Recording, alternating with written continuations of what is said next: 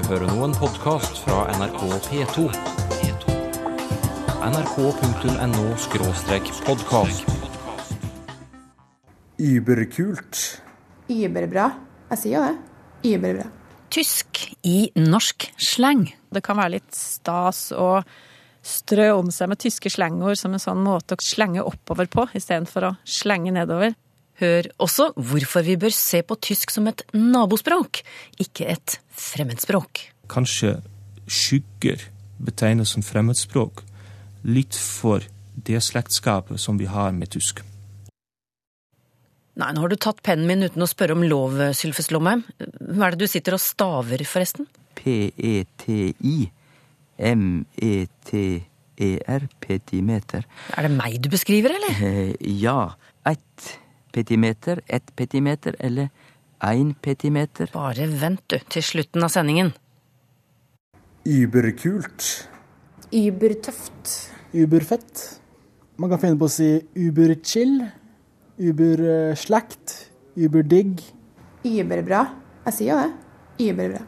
Det tyske ordet über, her brukt som et forsterkende element av et knippe 20-åringer. Endelig et tysk moteord i norsk språk, skrev en av lytterne våre nylig, og håpet på en renessanse for andre tyske gloser også. Når det gjelder Uber, så skriver Wikipedia at ordet fant veien inn i engelskspråklig populærkultur en gang på 70-tallet gjennom TV-serier og senere dataspill. Og så har det blitt plukket opp av ungdom, blant annet her i Norge. Men finner vi flere tyske gloser i norsk slang? La oss spørre språkforsker Kristine Hasund ved Universitetet i Agder. Hun har forsket på slang siden 90-tallet, blant annet med en stor nordisk undersøkelse, og hun har skrevet bok om slang. Kristine Hasund, hvordan står det til med tysken i norsk ungdomssjargong? Ja, det er ikke så helt galt. Vi har faktisk funnet en del eh, tyske ord i norsk slang. Både i den undersøkelsen fra slutten av 90-tallet og i det materialet som har kommet inn sånn på midten av 2000-tallet. Um, Ja, hvilke ord er det vi finner, da? jo, det er eh, Skal jeg lese de opp? Det er danke for takk, og så er det freund for venn. Gelt for penger. Herrlich, uh, som bruker bra, fint eller herlig. Kopp for, for hodet. Og så er det et banneord da. Scheisse, eh, som betyr dritt, vel. Og så er det slafe, som både betyr sove, og som brukes som et slangord om å slappe av eller sløve. Eh, Snell, som betyr fort. Spas, som betyr gøy eller morsomt. Og så er det da Uber, selvfølgelig. Så er sånn forsterkende ord som betyr veldig, som kan brukes ybergøy eller überkjedelig eller übersvær osv. Dette er ikke ord som jeg hører noe særlig ofte hvis jeg lytter innpå samtaler mellom tenåringer og andre ungdommer. Hvor Nei. utbredt er det egentlig? Det vet vi ikke ut ifra dette. Altså den, disse, det materialet som dette bygger på, det er eh, skriftlige eh, slangundersøkelser hvor da ungdommer har blitt bedt om å oppgi slangord de kan. Og å skrive ned slangord man kan, det er noe annet enn, øh, enn de man faktisk bruker selv. Så det denne lista her viser, det er øh, hvilke ord som, øh, som faktisk da er i omløp, eller det, det passive repertoaret de har. Så det er ikke, jeg tror nok ikke det er veldig utbredt. Uber er nok det tyske slangord som er mest utbredt. De andre her, de kan nok si at jeg har hørt det, men det er ikke, det er ikke mye av det. Men hvem er det som krydrer språket sitt med tysk slang?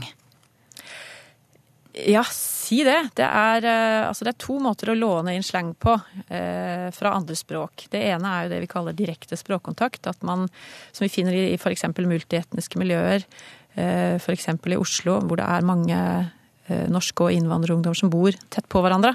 Og da plukker man gjerne opp fremmedspråklige ord fra, eh, fra venner og dem man er i nærheten av. Sånn at man får en sånn direkte språkkontakt. Eh, Det andre er indirekte språkkontakt, som vi også kan kalle kulturell språkkontakt. Og det er ord som man får inn eh, eh, gjennom populærkultur. Media, filmer, musikk, mote, litteratur osv. Når det gjelder tysk, så kan jeg tenke meg at det er en, det er en blanding. At noen henter inn tysk fra f.eks. møte med tyskere eller ferie i Tyskland, men også kanskje fra filmer, sanger. Og så vil jeg også tro at noen som har tysk på skolen, kan plukke opp ord derfra, som de syns kan være gøy å bruke i slengsammenheng. Um, men det kan være viktig å påpeke at tysk er, uh, tysk er jo ikke typisk gatespråk.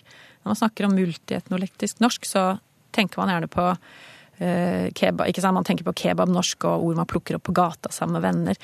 Uh, tysk er nok mer eh, Kanskje mer et statusspråk, mer sånn elitespråk eh, som det ikke er så mange som kan. Så det kan være litt stas å strø om seg med tyske slangord som en sånn måte å kanskje slenge oppover på, istedenfor å slenge nedover. Ja, Altså- slenge oppover, hva, hva ligger i det? Slang er jo eh, avvik fra normalspråket. Eh, altså at man bruker noe annet enn det som er vanlig. Sier du babe istedenfor jente, så, eller chicksa istedenfor jente, eller et tysk ord, danke istedenfor takk, så, så gjør du noe annet enn å snakke vanlig i gåseøyne. Eh, og når man tenker på slang, så tenker man ofte at man slenger nedover. At man blir mer uformell. At det er mer lavstil enn normalspråk. Men det går an å også slenge oppover. At man eh, leker litt med litt finere språk, kanskje mer statusspråk.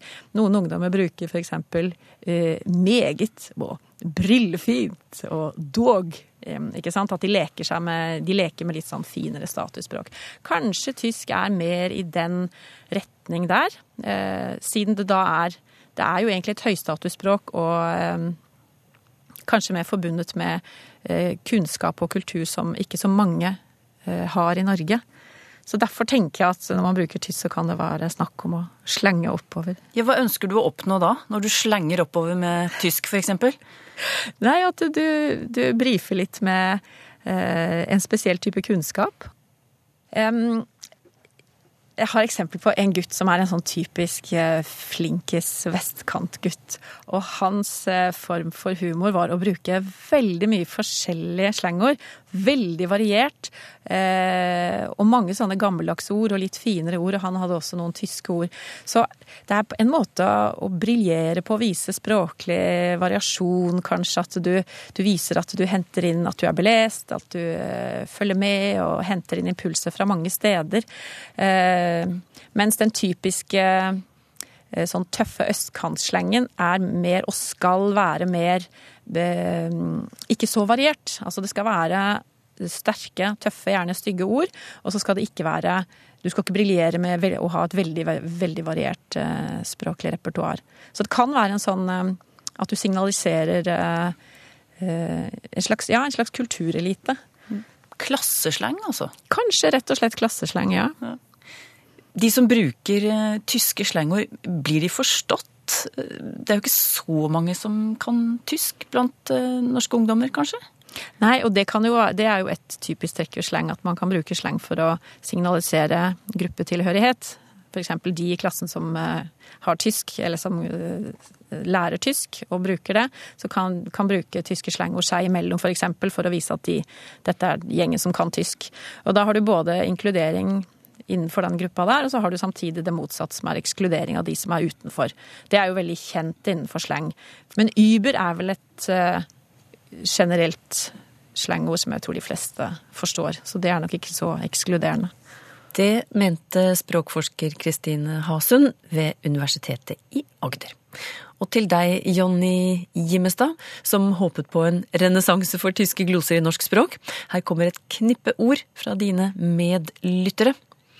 Fra Pål Jensens lange liste nevner jeg hunderaser som puddel, schæfer, rottweiler, riesenschnauzer. Føn, som i fønvind. Og i slangordboka fra 1952 finner Pål Jensen ordet schwestern for søster. Tore Seierstad sender oss ordet fyrabben, altså fritid etter dagens arbeide.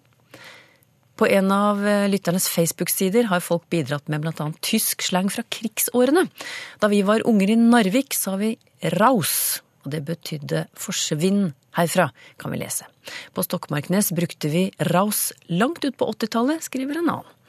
Også denne, onkelen min som var født i 1940, ble kalt busjekvalp etter bursje, som var tysk slang for guttunge, eller pjokk. Så har vi lompen, i betydningen sjofel, smålig. Probere, prøve på seg. Probere en genser, for eksempel. Kanskje ikke så mange som sier det nå for tiden. Og til slutt, Henrik Hjort Hansen, han foreslår at vi tar inn et nytt låneord fra tysk, nemlig å simse. Når tyskerne simser, så sender de SMS.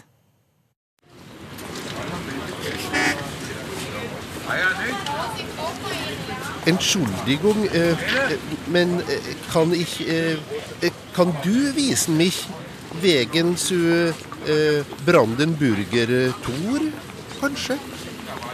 Nei, det er ikke like lett for alle å få dreis på tysken. Kanskje sitter det noen mentale sperrer oppi hodene våre også. Skoleminner om vriene kasus og bøyningsmønstre. Tysk, dette vanskelige fremmedspråket. Men kanskje er ikke tysk så vanskelig og fremmed allikevel? Vi bør se på tysk som et nabospråk, mener Gerhard Dotjes, nederlender og språkforsker ved Nasjonalt senter for fremmedspråk i opplæringen. Ja, når vi sier eh, fremmedspråk, så er egentlig det en sekkebetegnelse for alt fra veldig nære språk som nederlandsk og tysk, til veldig fjerne språk som swahili, finsk, kinesisk. Så det er et enormt spenn mellom de språkene. Og eh, jeg tror kanskje at ordet fremmedspråk eh, skygger litt for at de språkene som ligger nærmest, som tysk og nederlandsk, er faktisk veldig nære språk. I mine øyne nabospråk, og ikke fremmedspråk i egentlig forstand. Men hva er det som skaper denne nærheten mellom norsk og tysk, hvis du skal peke på de viktigste trekkene? Der er det forskjellige ting som man kan eh, nevne. For det første er jo tysk og norsk i slekt. Vi stammer fra samme språk opprinnelig. Og det er ikke så lenge siden egentlig at vi har gått fra hverandre eh, språklig sett. Eh, det er det ene. Så det er veldig mye som ligger til grunn som er lik i tysk og norsk. Der kan man f.eks. nevne at setningsstrukturen i utgangspunktet er lik på tross av ting som kasus og satsklammer, som det heter på tysk, som gjør det litt vanskelig. Men den grunnleggende strukturen er der, og den er lik. Kan du gi et eksempel? Eh, når jeg skal si eh, på tysk 'jeg elsker Harald', så sier jeg 'ich liebe Harald'. Altså 'ich', jeg, kommer først, det er subjektet. Så kommer et verb, og så kommer resten. Resten kan være ganske mye, i dette tilfellet bare ett ord. Eh, men den grunnleggende strukturen er lik, og når vi leser tysk, så blir, blir vi i første omgang ikke overrasket av den setningsstrukturen. Men hva hjelper det om setningsstrukturen er lik hvis vi ikke forstår ordene? Ja, det, det kommer jo i tillegg, men vi vil jo forstå veldig mange ord uten å måtte tenke oss veldig mye om. Pga. det fellesskapet som er mellom tysk og norsk. Så vi har et forsprang. Ja, ord. Hvordan er det med likhet i ordforrådet når det gjelder tysk og, og norsk? Så Der er det tre faktorer som er viktige. For det første um, har vi det slektskapet. Altså, det er veldig mange ord som du finner på norsk, som du også finner på tysk. Ofte ser de litt annerledes ut, men det er ikke uoverkommelig. Man kan lære seg de små reglene som ligger til grunn der. Uh, Z er ofte T, uh, T er ofte D, eksempel. Men det er mange ord, jeg vil tippe at det er hovedparten av ordforrådet på tysk og norsk, som vi deler. Det er det første. Kan du, kan du gi oss noen eksempler på ord som vi deler? Bare tell til, eh, til tre. Én, to, tre. Én, to, tre. Det er likt. Ja. Et eksempel til, kanskje? Eh, ta noen farger. Rød, blå, hvit. Rått, blau, Weiß. weiß. Mm. Ja. Altså, det er forskjellig. Og det er jo et annet språk. Eh, så det er de små forskjellene som man må lære seg.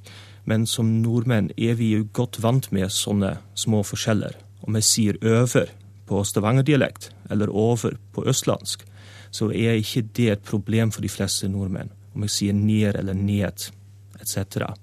Vi, vi er godt vant med det.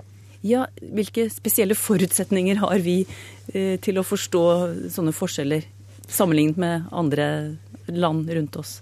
Altså, de, de, de, de, fleste språk har en viss grad av, av, dialektale variasjoner, men kanskje er det litt spesielt i Norge at vi har veldig mange forskjellige dialekter. Og så har vi en politikk som gjør at vi skal bruke disse dialektene, både i skrift og uh, i muntlig språkbruk. Uh, to forskjellige skriftspråk. Vi er godt vant med små forskjeller. Og hvilken fordel er det for oss uh, i møte med det tyske språket? Altså Det er en fordel når vi skal lese dansk, når vi skal lese svensk, når vi skal lese tysk, eh, at vi ut fra de små forskjellene vi kjenner fra norsk, eh, allerede kjenner til en del av de små triksene man trenger for å knekke danskkoden, svenskkoden, tyskkoden. Er det andre poenger du vil trekke fram som viktige, eh, som for å underbygge denne Mm. påstanden din om at norsk og tysk er nabospråk? Altså, det, det første er at, at vi, ha, vi deler eh, store deler av ordforrådet. Det er kanskje det aller viktigste. Eh, men så har vi i tillegg opp gjennom tidene lånt inn veldig mange ord fra tysk. Det begynte med Hansa-tiden, og det går egentlig eh, helt til i dag. En stor del av ordforrådet i norsk eh, kommer fra tysk. Kan du gi noen eksempler på tyske låneord i norsk som vi kanskje ikke tenker over at er tyske? Ja, noe så, så norsk som arbeid, eh, det er et tysk ord. Ja. Altså det norske Arbeiderpartiet. Eh, Det eneste som er norsk der, er ordet norsk. ja. Ordet parti kommer fra fransk, ordet arbeid kommer fra tysk. Et eksempel til. Kanskje bukse er et godt eksempel. Jaha. Bukse kommer fra tysk. Svenskene har også lånt det fra tysk. En annen fordel som vi har når vi eh, leser tyske tekster, er at både norsk og tysk har lånt veldig mange ord fra andre språk. Eh, det er ord som service og cruise og reality fra engelsk, og andre ord som magasin og kontor og kanskje kirke og biskop, som i en litt annen skrivemåte fins på tysk, og som vi da eh, lett kan kjenne igjen, og som vi kan bruke for å knekke tyskkoden. Mange gode grunner til å se på tysk som et nabospråk, ikke et fremmedspråk. Det mente i alle fall språkforsker Gerhard Dotjes ved Nasjonalt senter for fremmedspråk i opplæringen. Og nå kan det jo hende du lurer på hvordan det er med interessen for tysk i dag. På ungdomsskoletrinnet velger én av fire elever å lære tysk. Et forhold som har holdt seg stabilt de siste fire-fem årene, forteller Gerhard Dotjes. Og mange av disse elevene fortsetter med tysk i videregående skole. Faktisk har antallet tyskelever i videregående økt de siste to-tre årene. En gledelig utvikling, synes Gerhard Dotjes. I Språkteigen forrige uke hørte du at spikertelt for første gang er på vei inn i en norsk ordbok. Vedkommende som redigerer akkurat dette ordet, hadde ikke funnet så voldsomt mye materiale om det, men fra Språkteigens lyttere får hun god hjelp. Her er e-poster om spikertelt som masteroppgave, om nettsteder som selger spikertelt, om spikertelt som begrep for iallfall 20 år siden, mener noen. Andre mener at de hørte det allerede på 40-50-tallet. Særlig i Trøndelag. Iver Poppe han peker på ironien og sarkasmen i ordet. Han mener det er fastboende og hytteadel som litt nedlatende bruker begrepet spikertelt, for å markere at eieren har gått over en grense og på en måte sneket seg til en hytte. Håkon Heyerdahl er inne på noe av det samme. Spikertelt er i grenseland av det tillatte. Det er snakk om manglende regulering av noe som ligner på en hytte, og spikertelt er dermed en omskriving av noe som ikke tåler dagens lys. Mens Eirik Aksel Larsen på sin side synes spikertelt er et humoristisk ord med vittig og sjargongaktig tilsnitt, som han skriver. Men spydig syns han ikke det er. Alle lytterinnspill om fenomenet blir sendt videre til redaksjonen i Norsk ordbok, som kanskje må utvide spikerteltartikkelen sin etter dette? Ny runde med lytterspørsmål. Er du skjerpet og klar, Sylfest Lomheim? Det veit du jeg er. Kjære Språkteigen, skriver Runa Falk Langås. Hva betyr uttrykket revidert budsjett? Jeg trodde at å revidere et budsjett var å gå gjennom det på et senere tidspunkt, og vurdere om noen summer skulle justeres opp eller ned. Men ofte når man sender inn søknader, virker det som om revidert budsjett betyr at budsjettet skal være godkjent av en revisor. Hva er riktig? Ja, det er jo slik her at begge deler for så vidt er rett. Det betyr at revidert budsjett, hvis det står aleine, så er det rett og slett ikke klart. Det er ikke eintydig. Fordi at det kan bety både at det er gått gjennom av en revisor, revidert. Og det kan også bety at det er et budsjett som blir teken opp igjen, la oss si veldig ofte etter et halvt år om sommeren. Hvis det er vedtatt ved årsskiftet, så tek de budsjettet fram igjen, og, og da blir det kalla revidert budsjett når det gjør nytt vedtak om sommeren. Alt dette kjem ifrå det latinske verbet revidere, som betyr å sjå om igjen på. Videre betyr å sjå. Vi har jo visjon, som er syn, slik at televisjon betyr fjernsyn. Og revidere, altså sjå om igjen på. Og det er da det er klart at en revisor er en som ser over, ser om igjen på. Men revidert budsjett etter et halvt år, det er også sett på en gang til. Hvorfor heter det har rett, men tar feil, spør Elin Freim. Ja, det er så Det, det er jo det det heter i norsk, men hvis jeg skal Vi snakker jo om å ta feil og ha rett, men hvis jeg skal begynne å tenke litt høgt, så er det jo slik at å ha rett Å ha er jo det samme som å eie. Det er noe som er hos deg.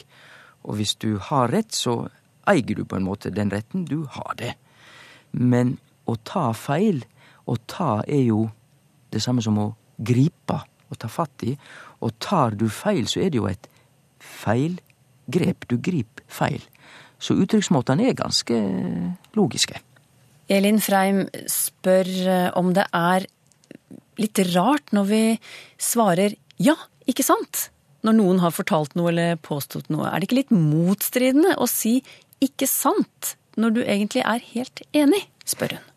Jeg forstår godt at Elin Freim eh, stiller det spørsmålet. Jeg veit ikke hvor gammel Elin Freim er, men når hun stiller det spørsmålet, så har jeg mistanke om at hun er eldre Eventuelt så er hun veldig språkmedveten, fordi i norsk talemål nå vil mange ha merka at ikke sant blir brukt mye oftere av yngre, og da òg som et uttrykk du bruker for å signalisere at ja, du er med i, i samtalen. Vi av de eldre, slik som meg, godt over 50, vi bruker ikke ikke sant så mykje, og når vi bruker ikke sant eller ikke sant, så er det den mer logiske, tradisjonelle Eh, på den logiske, tradisjonelle måten. Så når det gjelder bruk av ikke sant i norsk, så kan vi registrere et, et skifte, og jeg vil sette det rundt sånn pluss-minus 50 år.